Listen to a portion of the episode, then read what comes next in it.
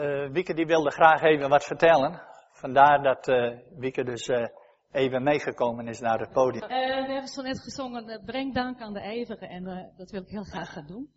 We hebben vrijdagavond, we hebben een hondje waar we heel wijs mee zijn. En ik ging even met het hondje te wandelen. En we hebben vlakbij ons een, een agressieve pitbull. En ik liep er langs en hij was toevallig los. Ik keek aan de zijkant en ik dacht, dit is niet best. Dus ik doorlopen en uh, ja, hij heeft hem dus gepakt. En uh, in zijn keel. En we konden hem met alle macht niet loskrijgen, die bek van die hond. Dus ik heb gebeden, ik heb God ge aangeroepen en ik heb tegen God gezegd, help hem, bewaar. En hij heeft het gedaan. Want op een gegeven moment hebben ze de bek losgekregen, met de macht. En ons hondje is er nog, dus dat wil ik graag vertellen. Ja. Wie was er afgelopen vrijdagavond hier in de kerk? Ja, jullie natuurlijk, dat kunnen we niet missen. Uh, afgelopen woensdagavond. Ja. Ja, toch wel een paar vingers, hè? Nou ja, wie, wie er niet waren, die, die hebben flink wat uh, gemist eigenlijk. Uh, Remco en, en Lisbeth die waren hier, hè, omdat ze in het huwelijksbootje stapten en ze wilden de zegen van de Heer vragen. En uh, ja, een schitterend stijl. En uh, Remco zag er geweldig uit. En Lisbeth natuurlijk ook, dat was een plaatje, een hele mooie jurk en zo'n stuk stof. Ja, een, een?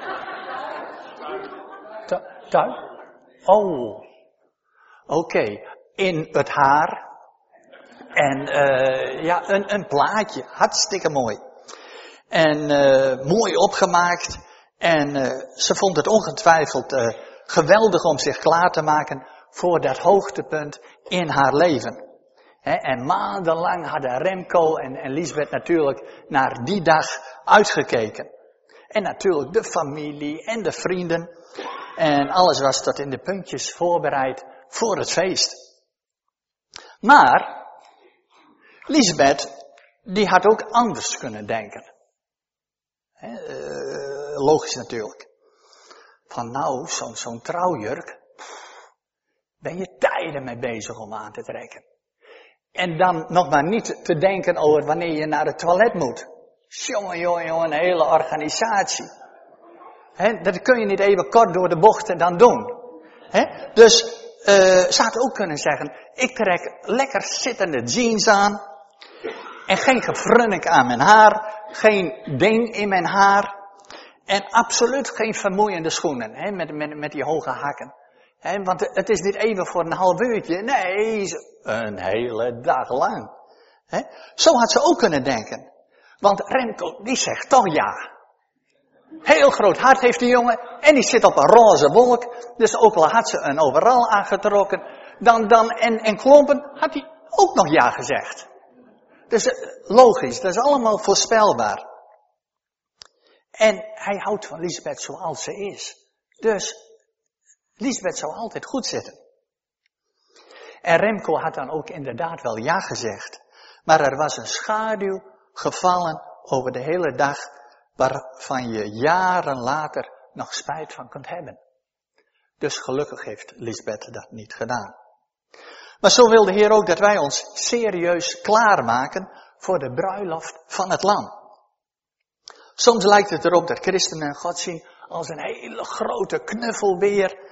Uh, God is liefde. God heeft een heel groot hart. Uh, de Heer Jezus is gestorven aan het kruis voor onze zonden. Dus je zit altijd goed. En daarom is het ook heel goed om uh, je dan af te vragen, Heer, hoe wilt u dat ik mij klaarmaak voor de bruiloft? Wat hebt u in gedachten? Wat, wat, waar moet ik mij investeren? Wat wilt u? Hoe wilt u dat ik mij klaarmaak voor uw wederkomst? Wilt u me laten zien hoe? En hij zal dat absoluut doen. Absoluut. Uh, openbaringen 19 vers 7, die zegt dat de vrouw van het lam, de bruid van de Heer Jezus, zich heeft gereed gemaakt ze heeft zich gewassen. Ze is gereinigd door het bloed van de Heer Jezus. Ze is op de knieën gegaan. Ze heeft gevraagd van Heer Jezus, wilt u in mijn hart komen? Wilt u me alles vergeven? Dank u wel dat uw bloed voor mij gevloeid heeft. Ze is gereinigd door Jezus bloed. Ze heeft blinkend smetteloze kleding aangetrokken. En dat zijn de rechtvaardige daden van de heiligen. Ze houdt haar kleding rein en schoon en ze ziet uit naar die bruiloft. En vers 9 zegt dat de genodigden zich gezegend mogen noemen. Laten we eens kijken naar de allerlaatste bladzijde van de Bijbel. De allerlaatste bladzijde. Klopt misschien niet helemaal, want de mensen hebben allerlei dingen eraan toegevoegd. Aanhalingen, woordenlijsten enzovoort. Uh, openbaringen 22. Openbaringen 22 vanaf vers 16. Ik, Jezus, heb mijn engel gestuurd om jullie deze dingen bekend te maken voor de gemeenten. Ik ben de telg van David, zijn nakomeling, de stralende morgenster. De geest en de bruid zeggen, kom. Laat wie luistert zeggen, kom. Laat wie dorst heeft, komen. Laat wie dat wil drinken, vrij drinken van het water dat leven geeft. Heel opvallend, de Heilige Geest ziet uit naar Jezus' komst. En de Heilige Geest bidt er ook om. Maar ook de bruid heeft het woordje kom op haar lippen. Idem dito bij wie luistert. misschien zijn dat de bruiloftsgasten. Ook zij zeggen, kom Heere Jezus. En God wil in deze tijd ons wakker schudden, zodat we meer gaan uitzien naar de komst van de Heer Jezus. En ons daarvoor gereed gaan maken. Op diezelfde laatste bladzijde zegt de Heer Jezus, ik kom gauw.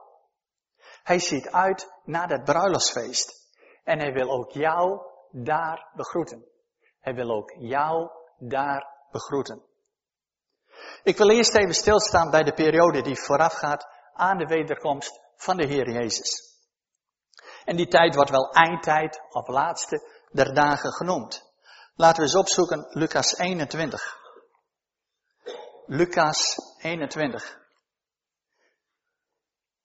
En vanochtend uh, kan ik niet dat hele hoofdstuk behandelen, maar ik wil je aanmoedigen. Neem thuis tijd om dat rustig door te lezen. Rustig biddend door te lezen. Lucas 21.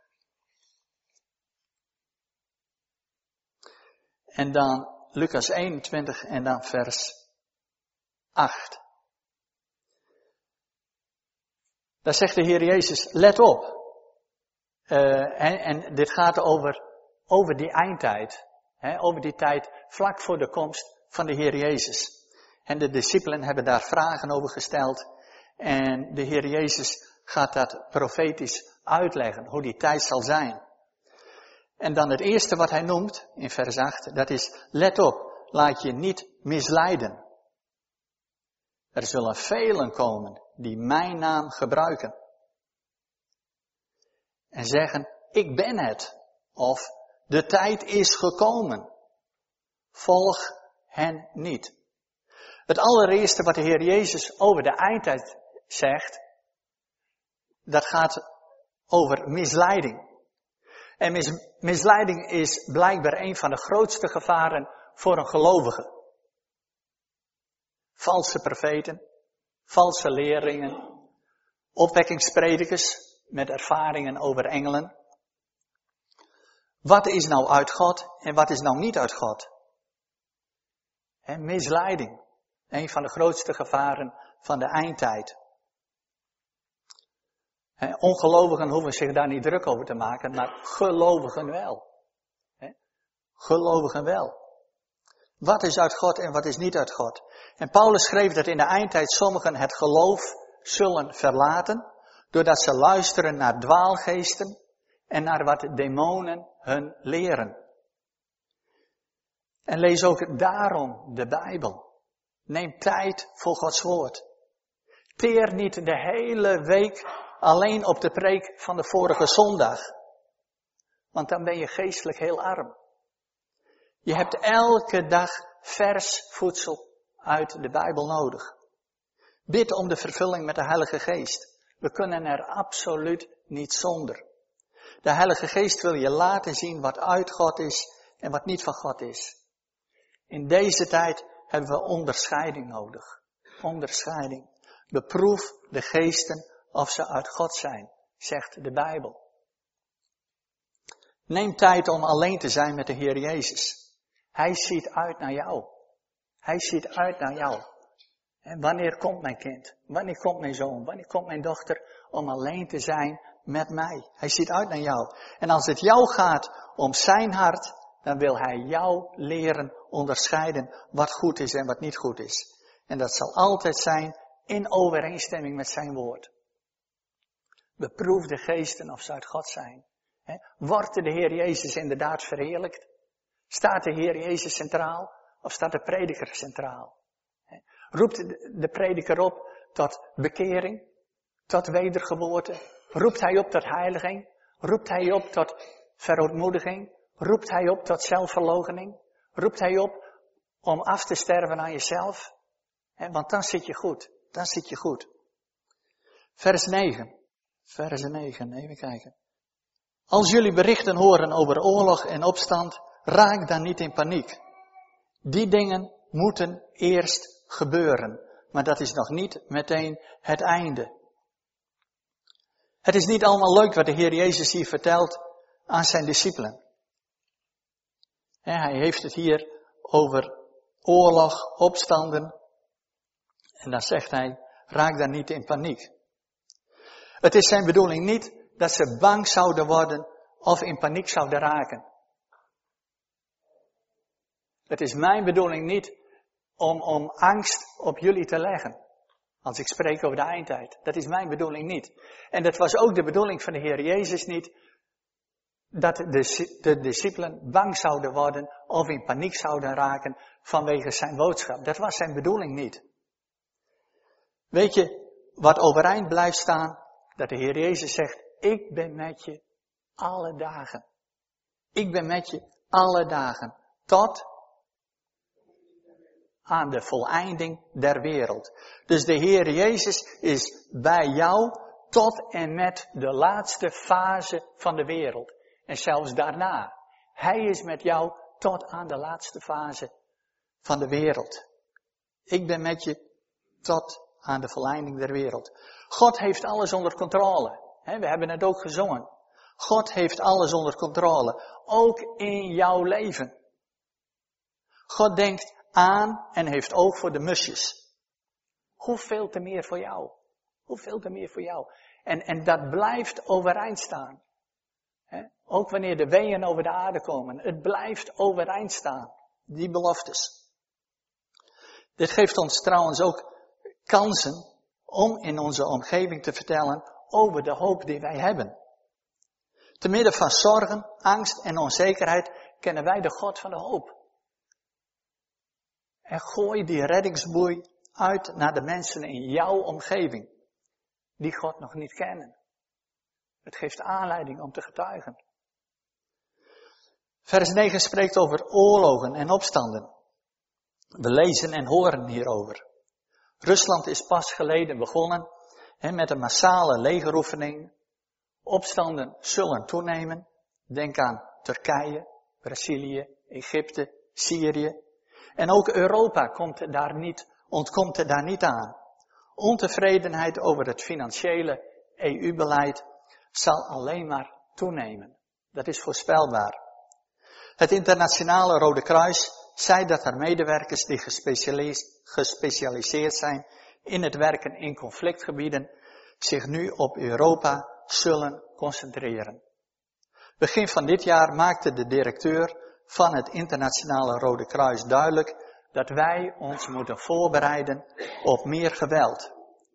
Hij zei, voor de eerste keer zien we toenemende druk op Europeanen. Meer en meer mensen zijn echt arm geworden.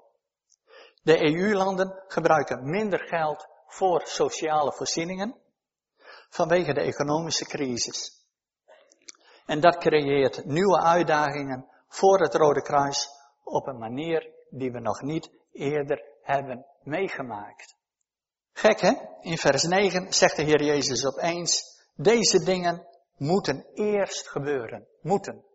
Moeten eerst gebeuren. Hoezo moeten? Maar hoezo moeten? Deze dingen moeten eerst gebeuren. Hoezo moeten? Het zijn pijnlijke gebeurtenissen die in dit Bijbelgedeelte worden genoemd. Oorlogen, opstanden, in andere gedeeltes uh, aardbevingen. Pijnlijke gebeurtenissen. En dat is te vergelijken met de weeën van een zwangere vrouw. En die weeën, die moeten eerst gebeuren. Die weeën moeten eerst gebeuren voordat een nieuw leven kan komen. En daarom zegt de Heer Jezus, deze dingen moeten eerst gebeuren. Met andere woorden, we zijn op weg naar een geboorte. We zijn op weg naar de geboorte van Gods koninkrijk. Het koninkrijk wat wij al door genade mogen ervaren in ons hart. Maar de Heer Jezus bad uw koninkrijk komen. En dat zal een tastbaar, zichtbaar koninkrijk zijn. Het koninkrijk waarover zoveel profeten met verwondering over geprofiteerd hebben in de Bijbel.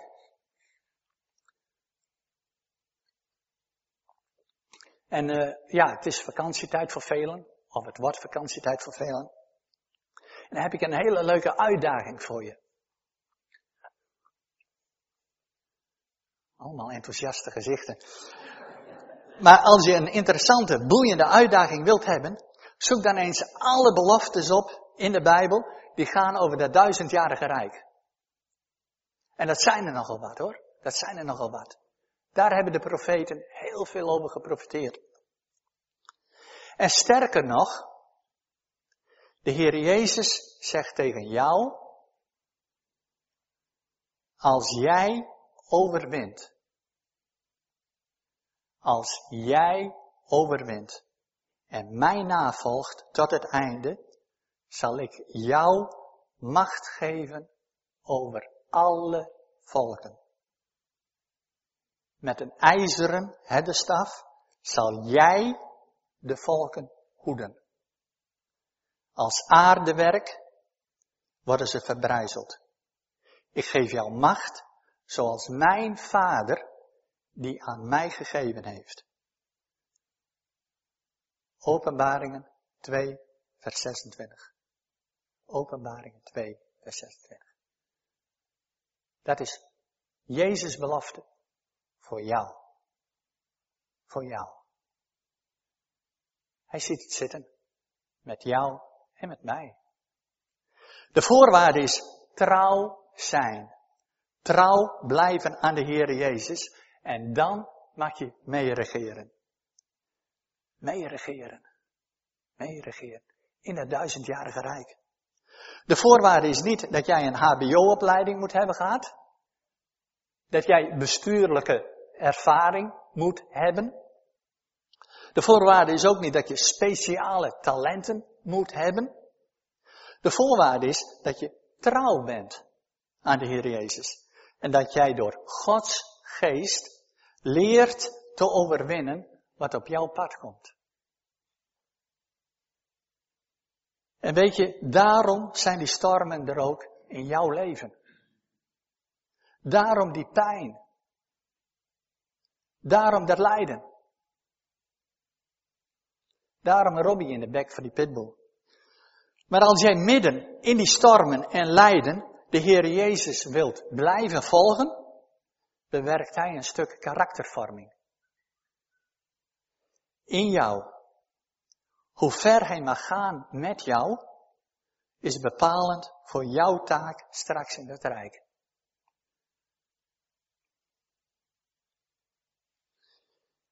Vers 12 in uh, Lucas 21, vers 12, spreekt, uh, uh, gaat over vervolging.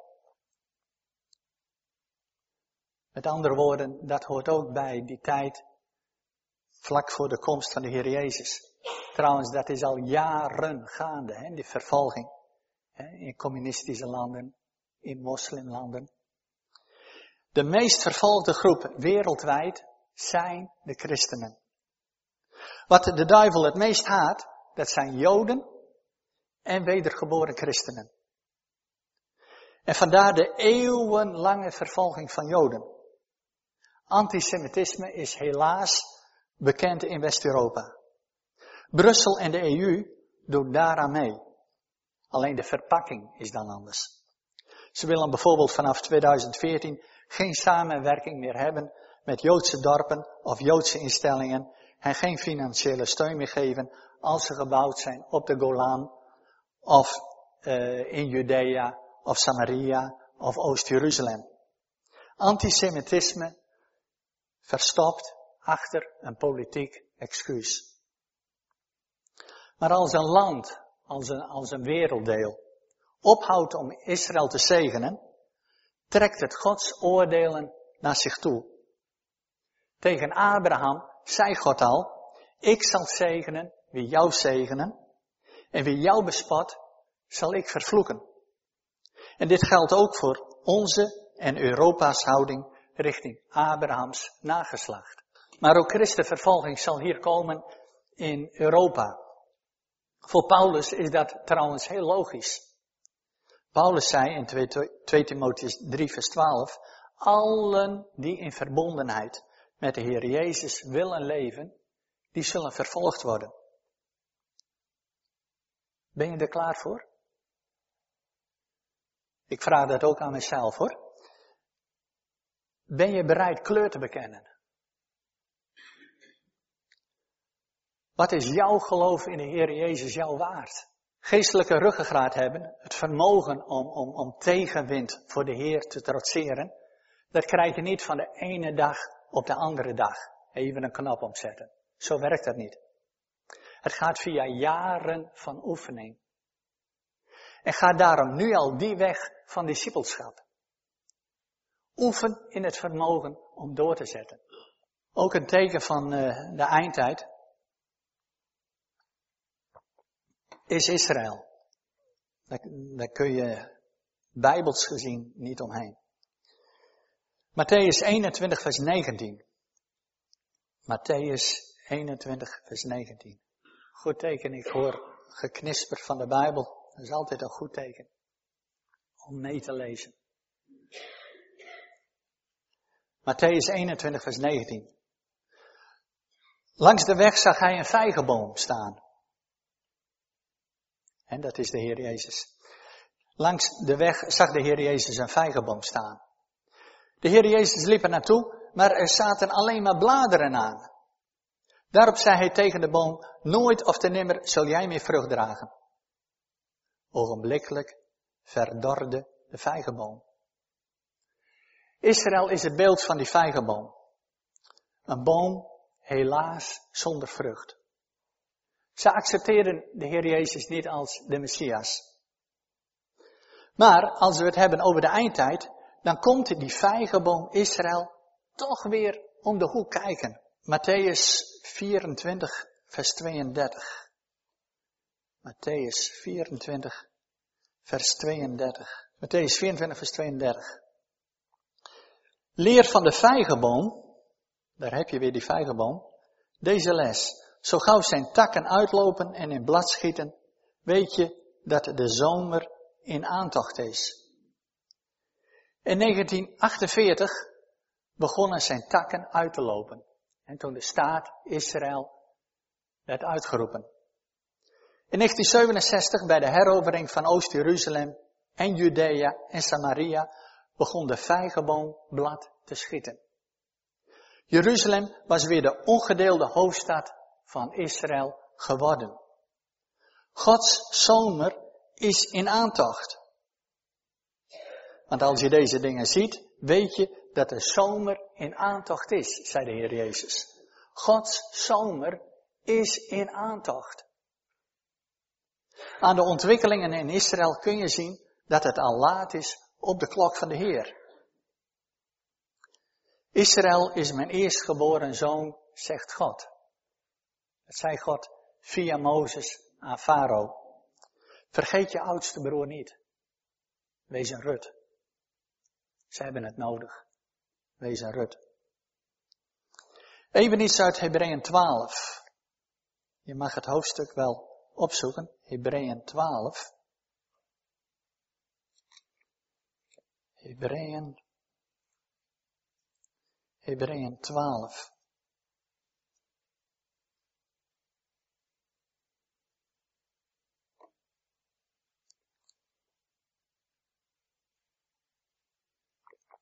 Hebreeën 12. Ook in Hebreeën 12 kun je iets lezen over die eindtijd. In vers 26 en 27 lees je dat God gaat schudden. En dat schudden, dat is letterlijk. Dat is letterlijk. Hij zal de aarde wereldwijd en ook de hemel laten schudden. Letterlijk. Want het schudden kom je op meerdere plaatsen, ook in, in Jesaja, ook in openbaringen. Je komt het schudden op meerdere plaatsen tegen. En dat is letterlijk. De schrijver zegt dat God dit zal doen, zodat alleen over zal blijven wat onwankelbaar is, wat niet te schudden is. En dat is ook zijn doel in jou en mijn leven. Zodat alleen overblijft in jouw leven wat onwankelbaar is. Als God jouw leven gaat schudden, en dat doet hij bij elk oprecht kind van God, als God jouw leven gaat schudden, dan is zijn bedoeling dat alleen overblijft in jouw leven wat onwankelbaar is. En dat is dit, Gods woord. En Gods woord is onwankelbaar. Hij wil dat jouw vertrouwen in Hem onwankelbaar wordt. En daarom schudt Hij jouw leven. En bouw daarom geen geloof op uh, wankele dingen. Op een wankel banksaldo. Of op een kwetsbaar pensioenfonds. Verschillende financiële specialisten zijn er vast van overtuigd dat het huidige wereldwijde financiële stelsel onderuit gaat. David Wilkerson is helaas gestorven, maar die ging zelfs een stapje verder en adviseerde gelovigen om een voorraadje voedsel op te slaan om even een paar weken te kunnen overbruggen. Mochten er omstandigheden komen dat de winkels geen voorraden meer hebben. Of contant geld in huis te hebben. We mogen inderdaad ook nuchter en praktisch zijn. Maar wat moet altijd overheersen in ons hart, te midden van de eindtijd? De schrijver spreekt in Hebreeën 12, vers 28 over dankbaarheid, eerbied en ontzag. Laten we daarom het onwankelbare koninkrijk in dankbaarheid aanvaarden. Dankbaar zijn omdat dit onze toekomst is. De Heer Jezus werd tijdens zijn lijden gesterkt door de, door de vreugde, hè? door de vreugde die voor hem lag. Tijdens zijn lijden werd de Heer Jezus gesterkt door de vreugde die voor hem lag.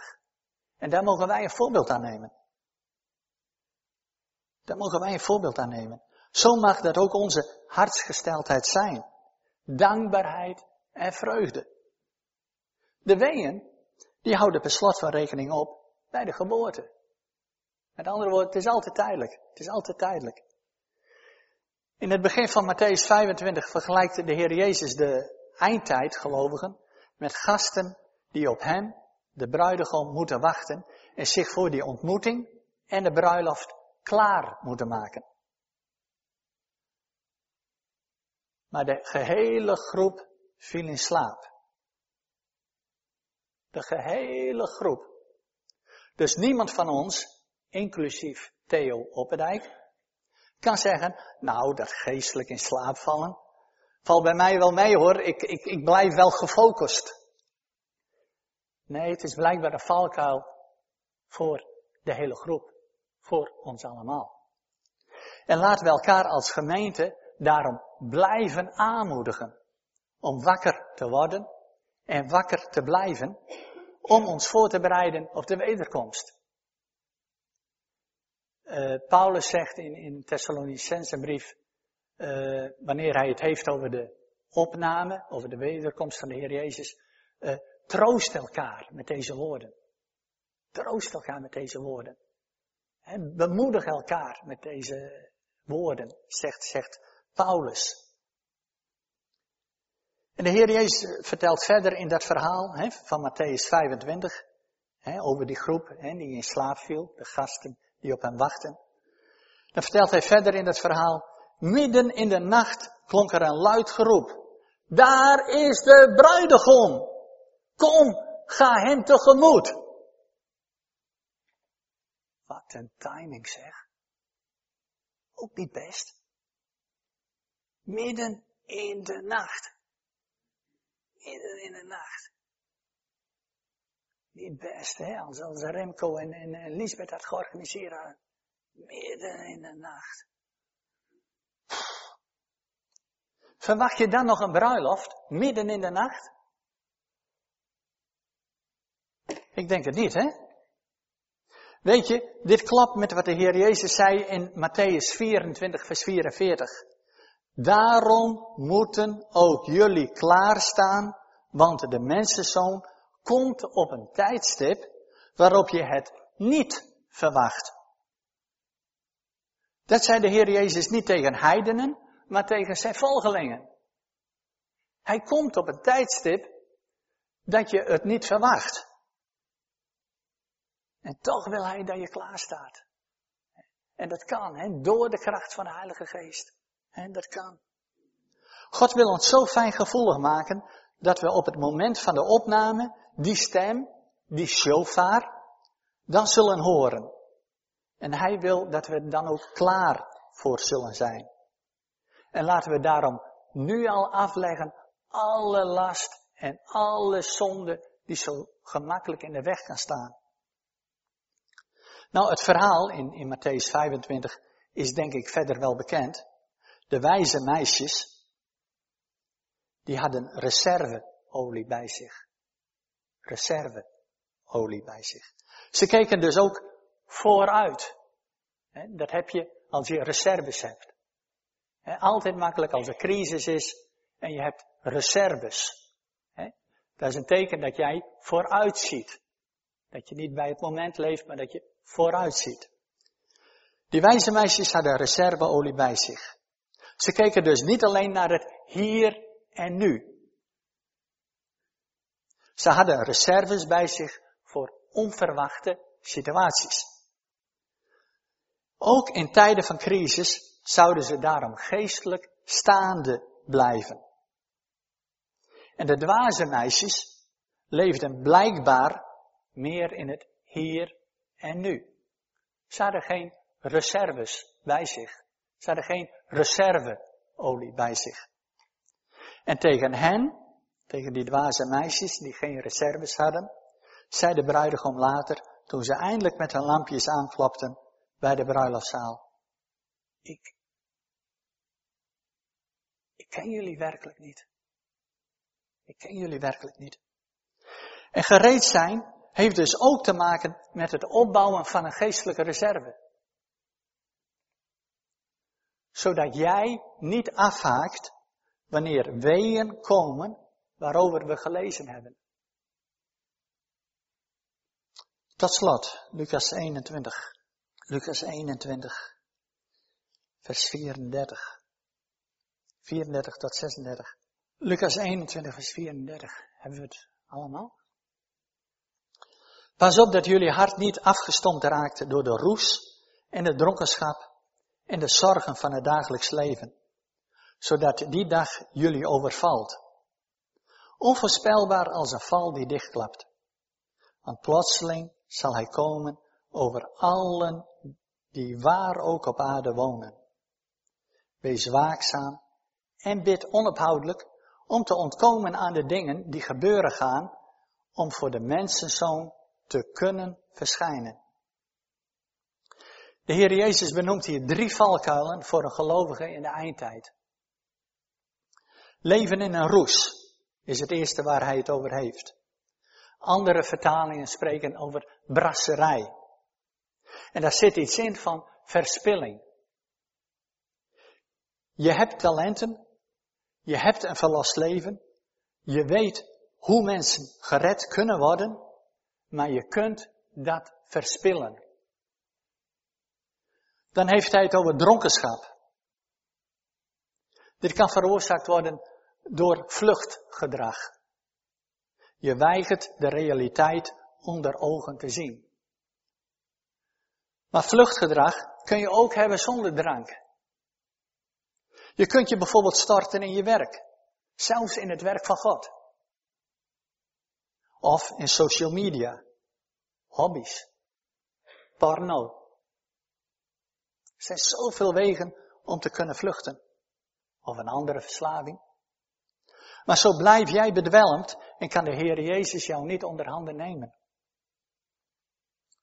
Derde valkuil is de zorgen van het dagelijkse leven. En God wil ons leren om los te laten. Onze zorgen te werpen op Hem. En laten we daarom letten op ons hart. Dat we niet een verdeeld hart hebben. Gedeeltelijk gericht naar de Heer en gedeeltelijk gericht naar onze eigen pleziertjes. Wat heeft jouw prioriteit? Waar ligt jouw schat? Vandaar de woorden van de Heer Jezus. Pas op dat jullie hart niet afgestompt raakt. Wees waakzaam en bid onophoudelijk, zegt de Heer. Laten we bidden. Ja, dank u wel, Heer Jezus, voor uw woord. Heer, dank u wel, Heer.